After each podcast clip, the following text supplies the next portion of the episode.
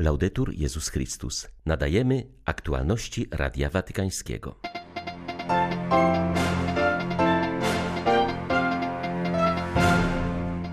Jednym z najważniejszych wyzwań stojących przed ludzkością jest obecnie pokonanie głodu na świecie, napisał papież w przesłaniu do FAO na Światowy Dzień Żywności. Kolejna grupa polskich biskupów, którzy przybyli do Watykanu z wizytą ad limina, spotkała się z papieżem Franciszkiem. Międzynarodowa Unia Przełożonych Generalnych reprezentująca zakony żeńskie zorganizowała w Rzymie spotkanie poświęcone inspirowaniu młodego pokolenia do przeciwstawiania się handlowi ludźmi. 15 października witają Państwa ksiądz Krzysztof Ołdakowski i Łukasz Sośniak. Zapraszamy na serwis informacyjny przesłaniu na Światowy Dzień Żywności papież Franciszek podkreślił, że obecnie jednym z najważniejszych wyzwań ludzkości jest pokonanie głodu raz na zawsze. Zaznaczył, że aby to osiągnąć, konieczna jest reforma produkcji i konsumpcji. Zmiany te nie zależą wyłącznie od zaangażowania rządów i organizacji, ale od reformy stylu życia każdego z nas.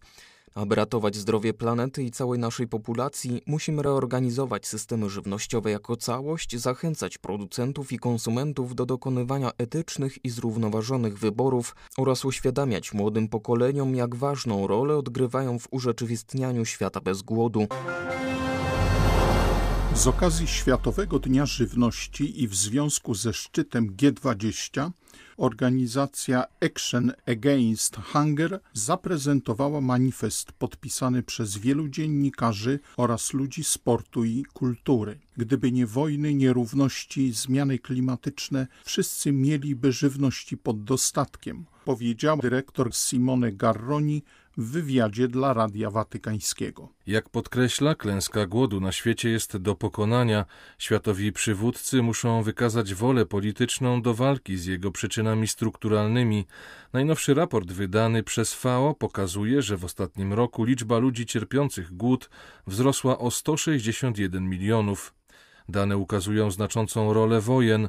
Sześć z dziesięciu osób głodujących żyje na obszarach konfliktów, mówi Simone Garroni. Niedopuszczalne jest, aby ponad 800 milionów ludzi cierpiało głód i by co roku z powodu niedożywienia umierały ponad 2 miliony dzieci. Musimy pamiętać, że planeta jest w stanie wyprodukować wystarczającą ilość żywności dla wszystkich. Istnieją projekty współpracy mogące pomóc osiągnąć samowystarczalność społeczeństwom najbardziej narażonym. Jesteśmy pierwszym pokoleniem w historii, które może wyeliminować głód. Mimo to w ciągu ostatnich pięciu lat głód znów się nasilił i jest ogólnoświatową plagą. To nie do przyjęcia. Głód jest dziełem człowieka i nasi przywódcy muszą mieć więcej odwagi i wykazać wolę polityczną do walki z jego przyczynami, konfliktami, nierównościami i zmianami klimatycznymi. Dzisiaj druga grupa biskupów polskich z czterech prowincji kościelnych metropolii gdańskiej, poznańskiej, szczecińsko-kamieńskiej oraz wrocławskiej została przyjęta przez papieża Franciszka.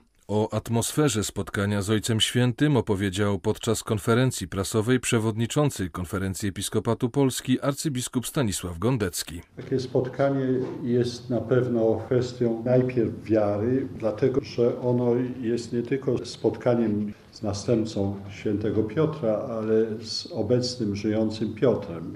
Mieć okazję rozmawiać z nim przez dwie godziny, nie każdemu właściwie taka możliwość jest dana. Metropolita Poznański zwrócił uwagę, że podczas spotkania z Ojcem Świętym biskupi rozmawiali przede wszystkim o rozpoczętym synodzie, następnie o nowej ewangelizacji, migrantach, oraz o różnych tematach związanych z małżeństwem i rodziną. Swoimi wrażeniami po spotkaniu z Franciszkiem podzielił się również metropolita gdański arcybiskup Tadeusz Wojda. Ta postawa z jednej strony Ojca Świętego pełna zatroskania, pełna wsłuchiwania się, a z drugiej strony to, czym nas zaskoczył, to praktycznie do każdego z biskupów, którzy go witali, czy potem zabierali głos, Ojciec Święty jakieś szczegóły znał z diecezji, jakaś sytuacja czy coś, także naprawdę to było takie zaskakujące, znaczy, że Ojciec Święty jest bardzo dobrze poinformowany o rzeczywistości, dlatego to spotkanie było przepiękne od tej strony, że na wiele tematów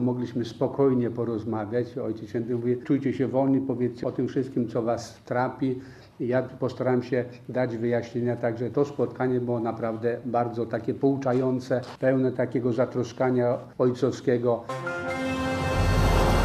Argentyna jest nazywana spichlerzem świata, ma warunki, by wyżywić 400 milionów ludzi, a tymczasem 50% mieszkańców żyje w ubóstwie, mówi arcybiskup Carlos Nanies, metropolita Kordoby.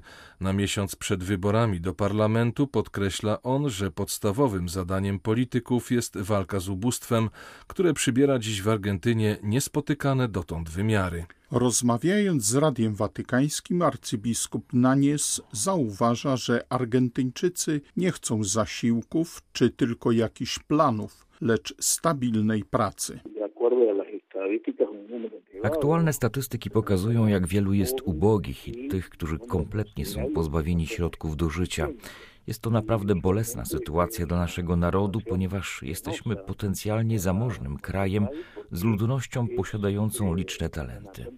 Wykorzystując bogactwo zasobów naturalnych i te talenty, moglibyśmy pomnożyć majątek tak, aby nie było tych wskaźników ubóstwa, a każdy miałby rozsądne i godne perspektywy życiowe. Uważam również, że musimy spojrzeć na rzeczywistość taką, jaka jest oraz poszukiwać rozwiązań, które z pewnością będą wymagały wysiłków ze strony wszystkich. Wierzę, że jeśli znajdziemy wspólny cel, jeśli wszyscy się w niego zaangażujemy, to istnieją dobre perspektywy dla tego kraju. Katolików za bardzo dzielą dziś preferencje polityczne, w konsekwencji za mało skupiamy się na samym Chrystusie i głoszeniu Go światu, uważa Hanna Pochorzala. Była ona jedną z siedmiu świeckich reprezentantów Europy na rozpoczęcie procesu synodalnego. Jej zdaniem największym wyzwaniem na obecnym etapie synodu jest wyrobienie w sobie umiejętności prawdziwego wsłuchiwania się w opinie innych. Osobnie, mm, co si myslím, co bych třeba ja Osobiście uważam, że ważne jest, by więcej słuchać, a z tym wiąże się szacunek. Czasem wydaje mi się, że my, chrześcijanie w kościele, jesteśmy podzieleni, moim zdaniem niepotrzebnie, przez poglądy polityczne. W pewnym sensie za bardzo wczuwamy się w opinie polityczne, które następnie odnosimy do naszej wiary. Nie wydaje mi się to słuszne. Myślę, że powinniśmy budować na tym, że jesteśmy chrześcijanami i ciągle patrzeć na Chrystusa, na to, jak On postępował. Myślę, że trzeba to jasno nazwać po imieniu i powiedzieć: nie dajmy się podzielić przez politykę, która wypiera podstawową misję Kościoła głoszenie Chrystusa tym, którzy go nie znają. Myślę, że u nas w Czechach, które są uważane za kraj bardzo ateistyczny, nie ma wielu ateistów z przekonania, ale są to ateiści z niewiedzy. Jest wielu ludzi, którzy nie mieli okazji poznać Chrystusa w sposób systematyczny. Jak systematycznie Chrysta pozna. Zaprezentowany wczoraj raport migracyjny włoskiej Caritas i Fundacji Migrantes ujawnił, że spadła liczba obcokrajowców przebywających we Włoszech. Choć jest ich ponad 5 milionów, nie są oni w stanie zrekompensować spadku populacji Italii. Wkrótce dostrzeżemy brak tych ludzi i będziemy żałować, że nie przyjęliśmy ich tak jak powinniśmy, powiedział kardynał Bassetti, przewodniczący włoskiego episkopatu. Nadszedł czas, aby budować i żyć nadzieją, mając w pamięci pandemiczną lekcję. Kruchość nie charakteryzuje tylko innych, ale każdego z nas. Ciągle jesteśmy uprzedzeni i wytykamy innych palcami. Potrzebujemy kultury bardziej otwartej na dobro, będące w drugim i coraz bardziej przekonanej do spotykania się z innymi. Przed nami trudne miesiące, może lata na odbudowę naszych społeczności, ale jeśli myślenie my stanie się bardziej powszechne, to z czasem z paraliżującego egoistycznego ja zejdzie powietrze. Questo benedetto io che ci paralizza tutti. Handel ludźmi jest zjawiskiem globalnym, źródłem niewyobrażalnego cierpienia. Dotyka 25 milionów osób na całym świecie, z których 70% to kobiety i dziewczynki, a jedną trzecią stanowią dzieci. Należy nie tylko wyeliminować ten haniebny proceder, ale również formować przyszłe pokolenia do skutecznej walki z nim. Na pierwszej linii frontu w tym dziele znajdują się dziś siostry zakonne tworzące międzynarodowe sieci, podejmujące inicjatywy na poziomie międzynarodowym, służące powstrzymaniu współczesnego niewolnictwa. Międzynarodowa Unia Przełożonych Generalnych, reprezentująca zakony żeńskie wraz z ambasadami Irlandii i Stanów Zjednoczonych, zorganizowały w Rzymie spotkanie poświęcone inspirowaniu młodego pokolenia w walce z handlem ludźmi. Siostra Gabriela Bottani, międzynarodowa koordynatorka ruchu Talita Kum, Światowej Sieci Życia Konsekrowanego, zaangażowanej w walkę z handlem ludźmi, uważa, że głównymi przyczynami tego zjawiska są dzisiaj ubóstwo, brak wykształcenia, pozbawienie podstawowych praw człowieka, niemożność dostępu do legalnej pracy, brak pokoju, sprawiedliwości i równości. To wszystko sprawia, że ludzie stają się podatni na zagrożenia, mówi siostra Gabriela Bottani.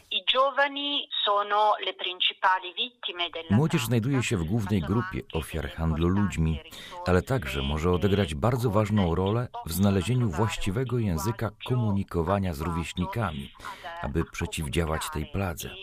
Zdołamy wykorzenić i zwyciężyć handel ludźmi jedynie poprzez przekształcenie mentalności. Trzeba zmienić mentalność wyzysku w mentalność troski. Chodzi o troskę idącą dalej niż rany spowodowane przemocą. Chodzi o troskę, która będzie zdolna głęboko przekształcić sposób myślenia i życia.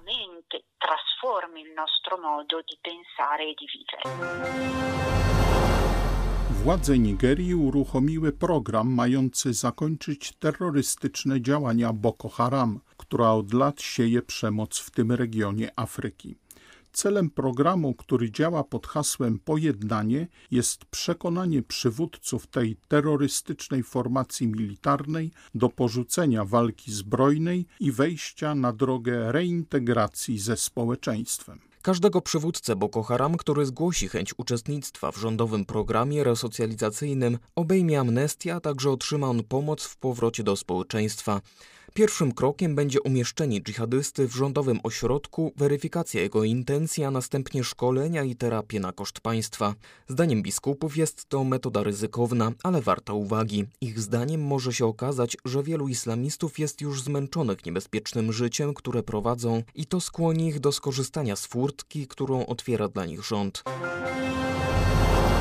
Kościół katolicki na Ukrainie poprzez różne inicjatywy, jakie w ostatnim okresie się zrodziły, przypomina o wielkich prześladowaniach chrześcijan, jakie dokonały się na tamtych terenach w okresie stalinowskich czystek. Lata 30 XX wieku były na terenach ówczesnego Związku Radzieckiego czasem wielkich prześladowań chrześcijan.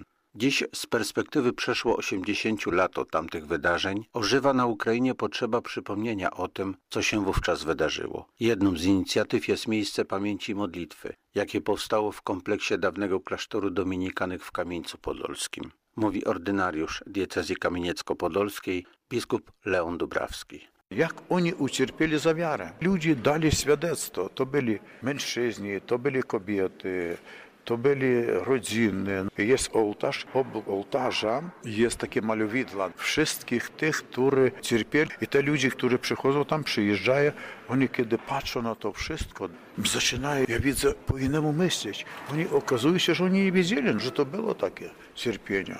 Widzicie, jakby idzie to w zapomnienie. I dobrze, że my to utworzyli. Z Ukrainy dla Radia Watykańskiego ksiądz Mariusz Krawiec, Paulista. Były to aktualności Radia Watykańskiego. Laudetur Jezus Chrystus.